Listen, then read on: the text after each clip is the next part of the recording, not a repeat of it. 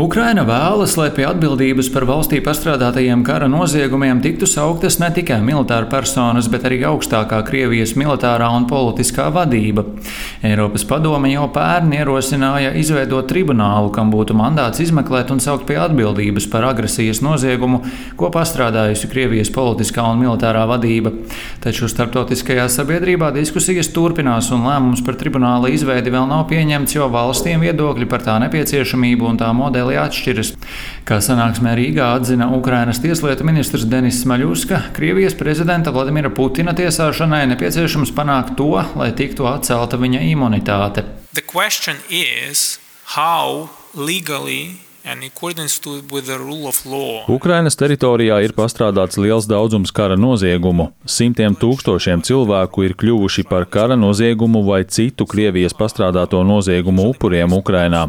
Mēs sagaidām un aicinām uz visaptveroša mehānisma izveidi, lai sauktu Krieviju pie atbildības par Ukrainā pastrādāto. Tas ietver ne tikai kriminālo dimensiju, šeit pieminot Putina arestu orderi, kas ir liels sasniegums, bet tas ietver arī tribunāla agresijas noziegumu noziegumu izmeklēšanai izveidi, turpmākas procedūras starptautiskajā krimināla tiesā un palīdzība tai, kā arī kompensāciju fonda izveidi. Tātad sagaidām tālākus soļus un taustāmus rezultātus, lai mūsu diskusijas sniedz redzamus piemērus, ka likuma vara eksistē un ir būtiska un varam saukt Krievijas augstāko vadību pie atbildības par noziegumiem, ko tā pastrādājusi.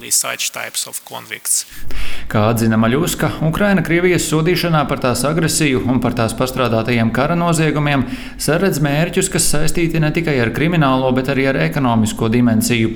Proti runa ir arī par zaudējumu sekšanu Ukrainai no Krievijas puses.